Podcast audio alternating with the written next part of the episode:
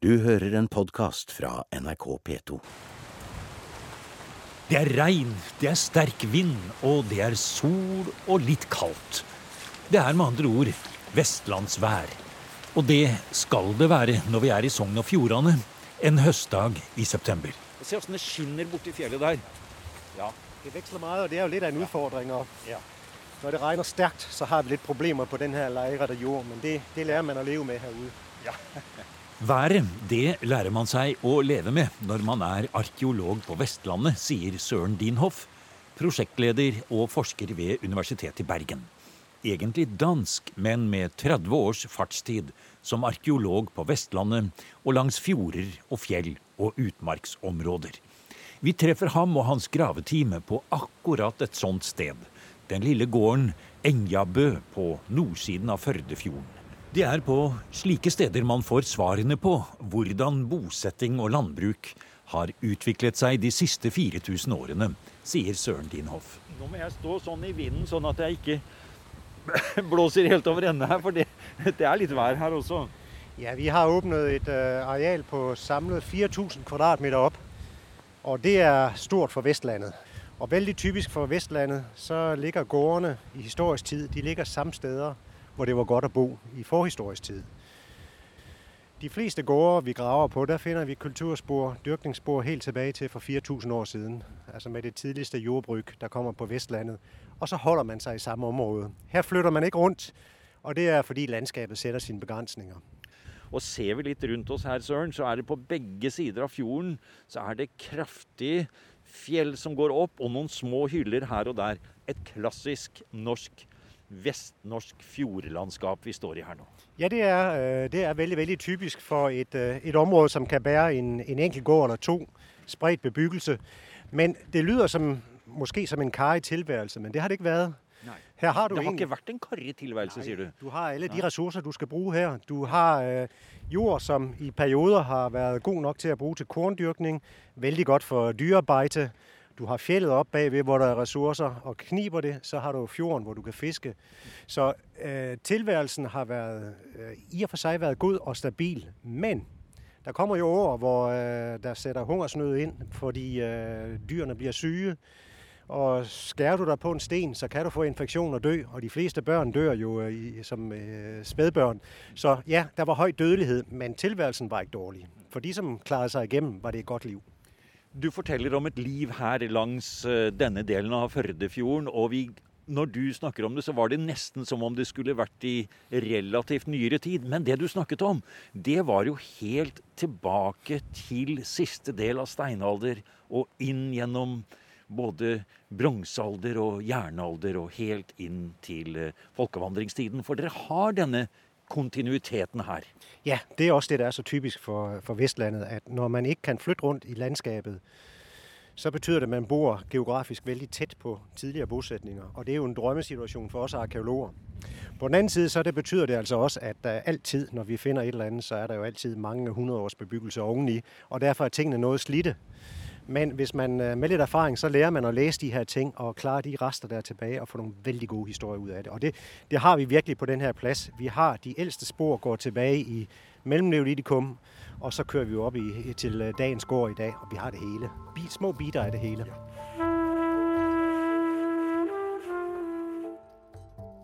Vi har alt, bitte små deler, men vi har alt fra midten av steinalderen og helt opp til moderne tid, sier arkeolog Søren Dinhoff, mens han står midt inne på det 4000 kvadratmeter store området de har avdekket på gården Engebø, helt nede i fjæra langs nordsiden av Førdefjorden. Der er det ikke bare spor etter jernalderhus, ardspor i en enda eldre åker og kanskje også en horg. Men arkeolog Kristine Søyland viser fram en graveprofil hvor det også er tydelige spor etter en stor katastrofe som rammet dette området for 8000 år siden. Sånne profiler de er loddrette, og en kan se på de forskjellige jordlagene. Så det blir en slags historiebok om hva som har skjedd i eh, området rundt. Ja, dette er kanskje gammel havbunn, det vi faktisk står på her nå? Ja, nå står vi på en marin havbunn. Så den har eh, blitt laga nok i istida og sånt. Men er dette fyllmasse fra veien, eller? Det var det vi trodde litt i starten, men så så vi litt nøyere på det. Eh, for denne fyllmassen den er jo et sobihop av stein og sand og litt brune jord og litt forskjellig. Og hva dette sammensatte gruslaget av stein, lere og sand skal bety, får vi snart høre mer om. Men først må vi si litt om selve stedet Engebø. For grunnen til at museum har reist fra Førde og via Naustdal langs den smale fylkesvei 611, som følger den bratte fjellsiden langs nordsiden av fjorden utover mot havet, og som tar oss til et vakkert område med små gårder og beiteland.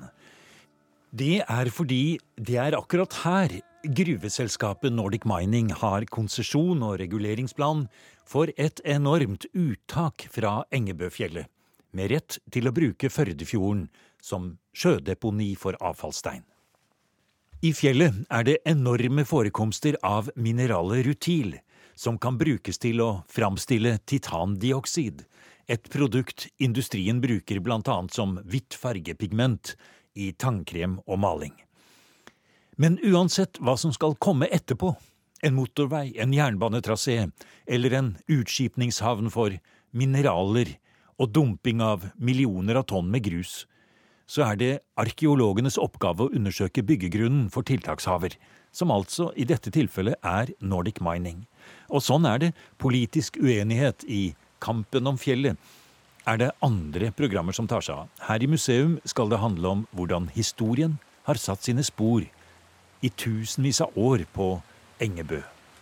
Og vi nevnte enorme masser av grus og stein. Det er det fra før på Engebø men ikke av den moderne typen. Først har vi sånn 20 cm med torv og eh, nyere jord. Og så har vi 20 cm til, sånn cirka, med flere lag. Litt sånn annenhver med eh, svart og brunt. Eh, litt sånn flere sånne lag. Og de er nok eh, forhistoriske. Og her nede, som er dette ja. sop i hop, som du sier, denne samlingen av all slags ja, grus og steiner og alt sammen, det er den som er spennende her. Ja, det er den som er spennende. Den ligger midt imellom der eh, marine leirelaget og disse forhistoriske lagene midt imellom.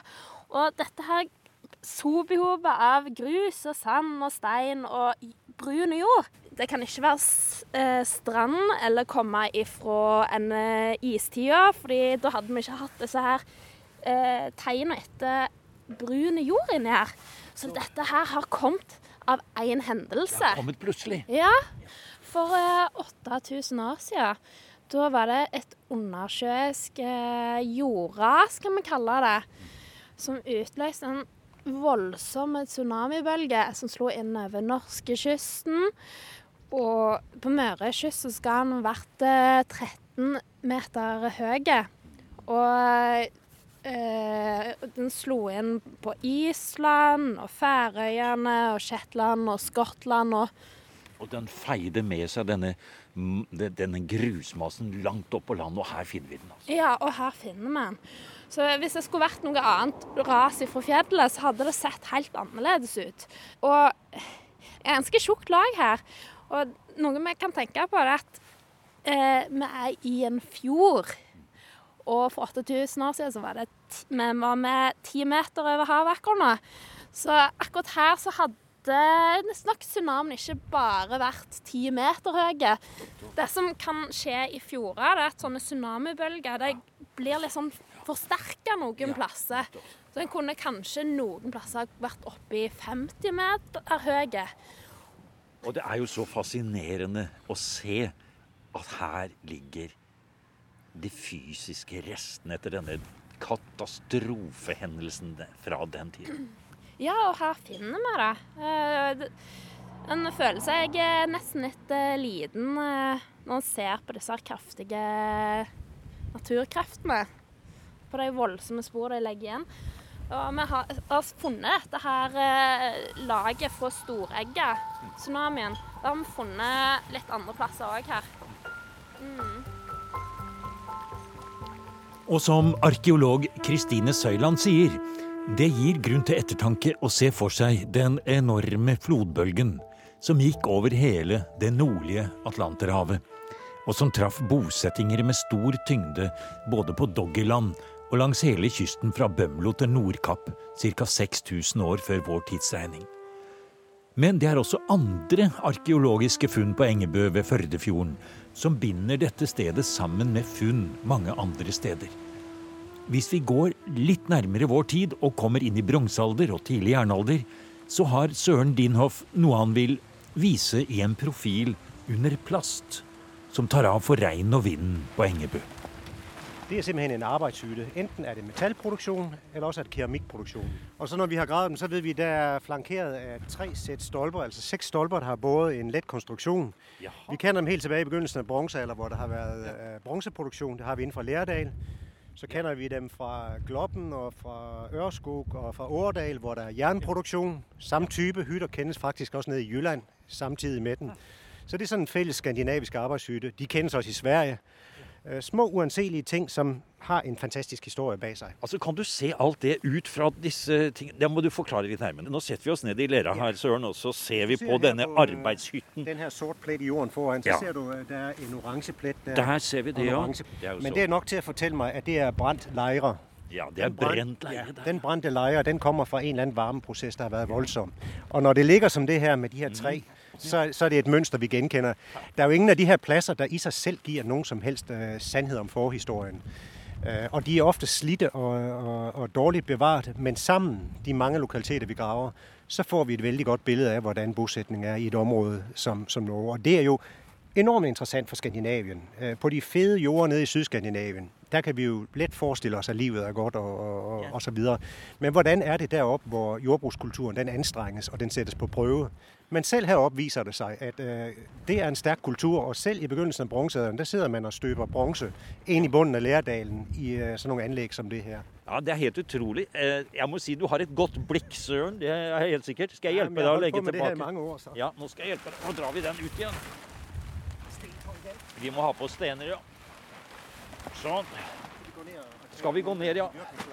Nå skal vi gå ned til dyrkingslagene. Og dyrkingslagene, det er virkelig et spennende kapittel av historien om hvordan bosettingen har utviklet seg langs kysten. Særlig når Søren Dinhoff med letthet kan gjenkjenne ardspor i gamle dyrkingslag et stykke nede i torven. Og bare på jordfarven i de takkete stripene etter den enkle plogen som ble brukt fra bronsealderen og framover mot tidsregning, kan han si når bonden har dyrket dette jordet. Men hvor store var åkrene? Hva gjødslet de med? Og hva dyrket de? Alt dette går det an å lese ut av en profil arkeologene har laget gjennom et 40-50 cm dypt torvlag på Engebø ved Førdefjorden. Så det, det dreier seg om, er, at øh, det er et åkerlag. Vi står altså vi er midt i en mark. Og i denne perioden periode af forhistorien, der gjødsler man sin jord med husavfall. Og det vil si, inden ildstedet i huset blir der smitt ud. Derfor har vi et højt indhold av trækul, og vi har brændt sand, som kommer fra inden for ildstedet. Ja, for det er jo klart at aske og brente ting, det er god gjødsel. Ja. Og det har man da tilført ut da på sin lille Ja. åker her. Men, men hvor stor var den, Søren? Ja, men det varierer litt gjennom forhistorien. I starten så har vi åker, der er omkring 400-600 kvadratmeter store. Mm. Uh, og det har vi egentlig over hele øh, Nordeuropa, Noenlunde samme størrelse. Og det er det areal, som det er mulig å dyrke, når man går med en art, altså en øh, tidlig plov, på en dag. Så når man ca. opp på det areal. Så åkrene er den størrelse, det en person kan gå bak et spann og pløye på en dag. Ja, og foran så har man kanskje To okser. to okser, ja. Og det har man kanskje hatt akkurat her også? Det har vi også haft her, øh, og det kjenner vi jo fra helleristningsbilder helleristningsbilleder, hvor man går og, pløyer i jorden.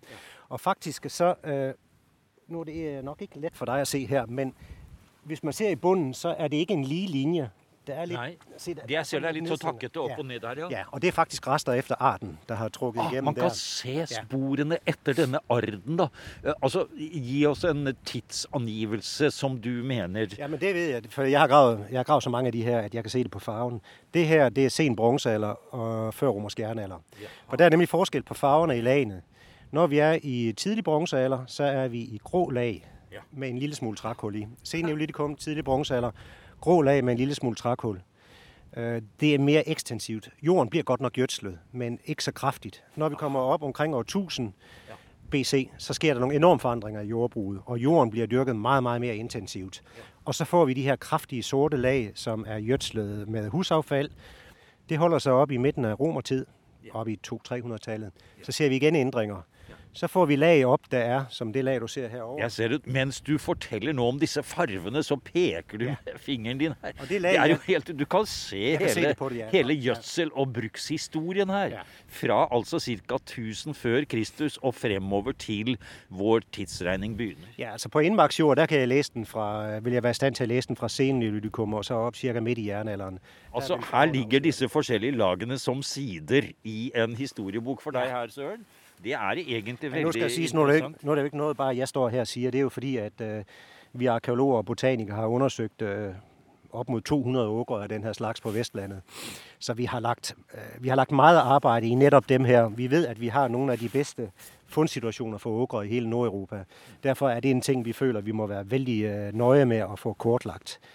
Øh, og vi kan også beskrive et, et øh, meget spændende her ute.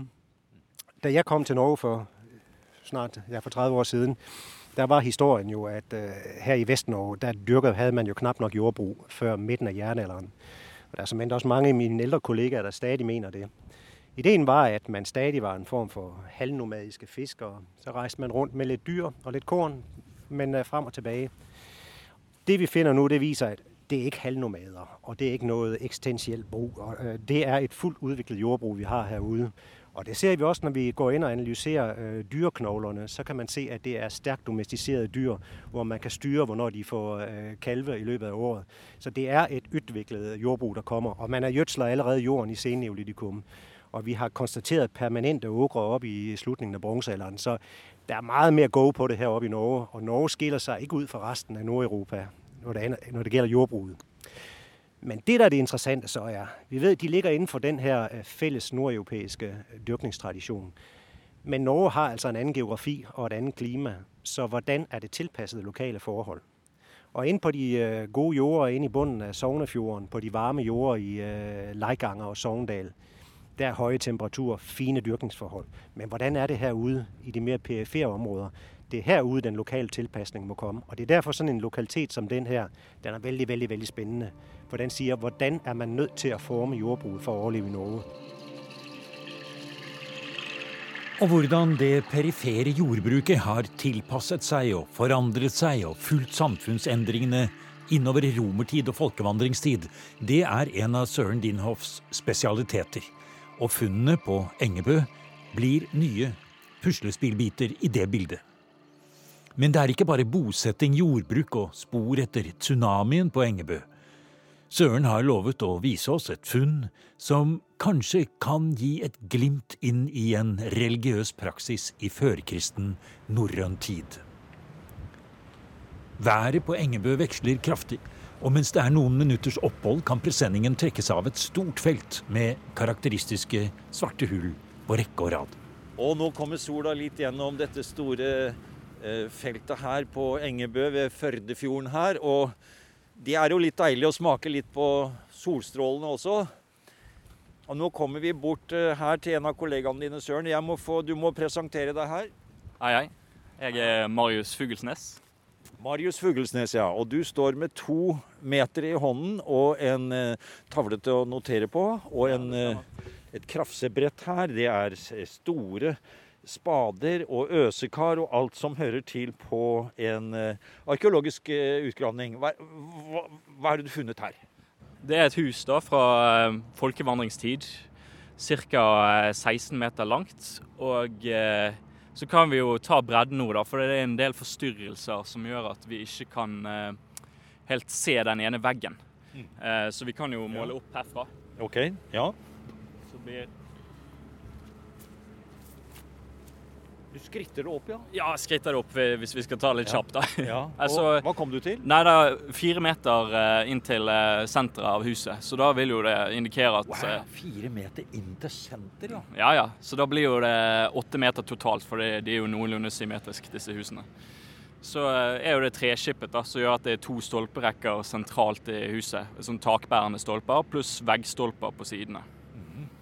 Men det, du har jo hus som er 50 meter lange og 70 meter lange, så i den eh, konteksten så er det jo ikke så stort. Men eh, man kan anta at det bodde om lag eh, fem-seks personer i dette huset. Og så går man vel ut fra at huset var delt da på tvers, i, med en form for rominndeling kanskje, med forskjellige funksjoner. Ja, det er det som er normalt. Og det vil jo være et ildsted her òg, men eh, pga. forstyrrelsene så er det ikke helt sikkert at vi finner det. Men det vil jo òg være i et av disse rommene. Eh, forklar litt mer på eh, himmelretninger og hvordan det lå i forhold til eh, resten av området her. Det ligger jo litt mot nordvest. da. Det, altså prosessen med å finne dette huset, det blir jo at vi går over med maskin, gravemaskin og tar av torven. Og så ser vi egentlig etter noe som da ikke helt hører hjemme med resten av jorden rundt. Altså noen Det blir ofte noen mørke flekker da, som vi prøver å eh, finne frem når vi renser eh, bak maskinen. Og da eh, ser vi her at vi har eh, ganske beine rekker med sånne flekker. Og eh, har da målt de inn og satt det i, inn på PC-en, og så ser Du vi. ser det på datamaskinen? Ja, ja, ja. For Det du ikke ser bak gravemaskinen, det ser du foran skjermen. Ja, det, det kan du si. Vi måler de inn, da, eh, sånn at vi kan se det veldig oversiktlig på eh, PC-en etterpå. Så hvis man trenger å eh, se på det på en litt annen måte, så kan det kanskje være lettere å få greie på hvor rekkene går. For det er jo litt kaotisk i starten. Hus og åker, verksted for støping eller keramikk, korndyrking og husdyrhold gjennom 4000 år, og før det spor av steinalder, redskapsproduksjon og en heller et par hundre meter unna hovedlokaliteten, hvor det er funnet spor av et ildsted. Ingen spektakulære funn med rike graver eller praktgjenstander, men små og viktige biter i arkeologenes kunnskap om hvordan de mer avsidesliggende områdene har blitt brukt. Men avsides og avsides, rett ut i Førdefjorden er Svanøy, hvor Eirik Blodøks ble født. En dagsreise med båt nordover forbi Florø ligger Vingen i Bremanger, et av Europas største helleristningsfelt. Og på selve Engebø finner Søren Dinhoff nok et eksempel på noe han har holdt øye med lenge på flere andre utgravninger. Det er liksom en øh, terrasse her. Under den plastikpressing, der ligger det faktisk en grøft. Der omslutter hele arealet, sådan så vi får en, en indre flate der på øh, nogle få hundrede kvadratmeter. Inde under presenningen i midten, der har vi nogle kokkegrupper liggende. Et inngjerdet område fra førkristen norrøn tid, med tydelige kokegroper innenfor, kanskje brukt til å lage store måltider for religiøse seremonier og ofringer. Og det er grøften rundt, inngjerdingen, som er selve signalet om at det kan være snakk om en horg. Ja, det er det, der innrammer feltet, fordi du, du skal ha et felt, som er avsondret fra det daglige liv.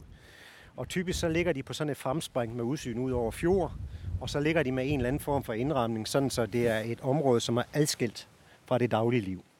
Men, men hva var det i disse grøftene, da? Eller hva ja. oh, vi har snittet dem og snittet dem og snittet dem for å se, om der står pæle i det, om det har vært Ja, øh, eller det vært gjerder Ja, og altså. det har vi aldri lykkes å påvise. Men i den her har vi faktisk spor efter stolper i den. Så der må ha vært en eller annen form for palisade. Ja, Og det passer faktisk godt med en beskrivelse av et, øh, et hørk, vi har nede fra sakserne, en nordeuropeisk stamme. Du er nødt til å sette tingene i en litt større ramme, fordi øh, jeg vet godt, nordmenn er glade for sitt land, og det er også et fantastisk flott land, men, men det er nå ikke alt sånn at alt sammen er oppfunnet her i Norge. Altså, vi, vi indgår i noen litt større kulturelle Og sammenhænge, som særlig de religiøse og Ja, kultpregede absolutt. tingene som man jo ser så tydelig har kommet opp fra kontinentet opp hit. Det er forkert å si at, at det er kommet opp fra kontinentet til her. Jaha. Øh, For Norge er ikke noen sider mottaker. og. Norge er like mye med til å skape denne kultur som alle mulige andre. Altså Norge har en like øh, dyp og betydningsfull kultur som alle mulige andre lande. Norge er en del av det her. De er ikke i utkanten av noe. Man sidder ikke bare og mottar her herop. Man er med til å skape. Og når vi kommer opp igjennom jernalderen, så får Norge en stor betydning med sin utmarksproduksjon. At man kan forsyne folk nede i Europa, nede i Sydskandinavien med, med eftertragtede produkter. Det var spennende, Søren. Vi er ikke noe utkant, nei. Vi er Nei, nei, nei. med å skape. Og her, denne horg-tradisjonen, eller det man gjør her, i en, eh, en kultlignende praksis som da må ha vært her, for det er sånn du tolker det, så går man altså forbi denne grøften som rammer inn det hele. Kanskje det har vært en palisade, kanskje noe annet. Så kommer man innenfor. Der er kokegropene. Og det har, Og der er utsikten ut mot fjorden. som vi ser. Og se ut på fjorden her nå. Se hvordan det skinner. Hvordan sola liksom har et, et helt blankt felt helt inntil oss. Men det er typisk for de her kogegrupper, vi felter, vi har, at de ligger veldig spektakulært. Og, og der er selvfølgelig en betydning, og det er relasjonen mellom den her plass og så naturen. øh, De der krefter du skal nå ude i naturen. Øh, Og der har man stået og lavet måltiderne til de store fester, midsommer, øh, vintersolværv, øh, formodentlig begravelser. Og er vi heldige, så finner vi grøfterne. I noen tilfeller har vi faktisk også funnet spor efter de øh, kultbygninger, der har stået her inne.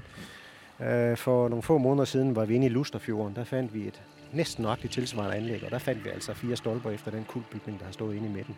Så det kan jo ikke bli bedre. Kan det bli bedre? Det er fantastisk. Så flott.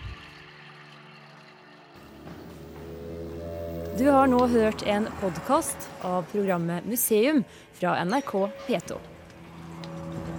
Og send gjerne en e-post til museum krøllalfa nrk.no.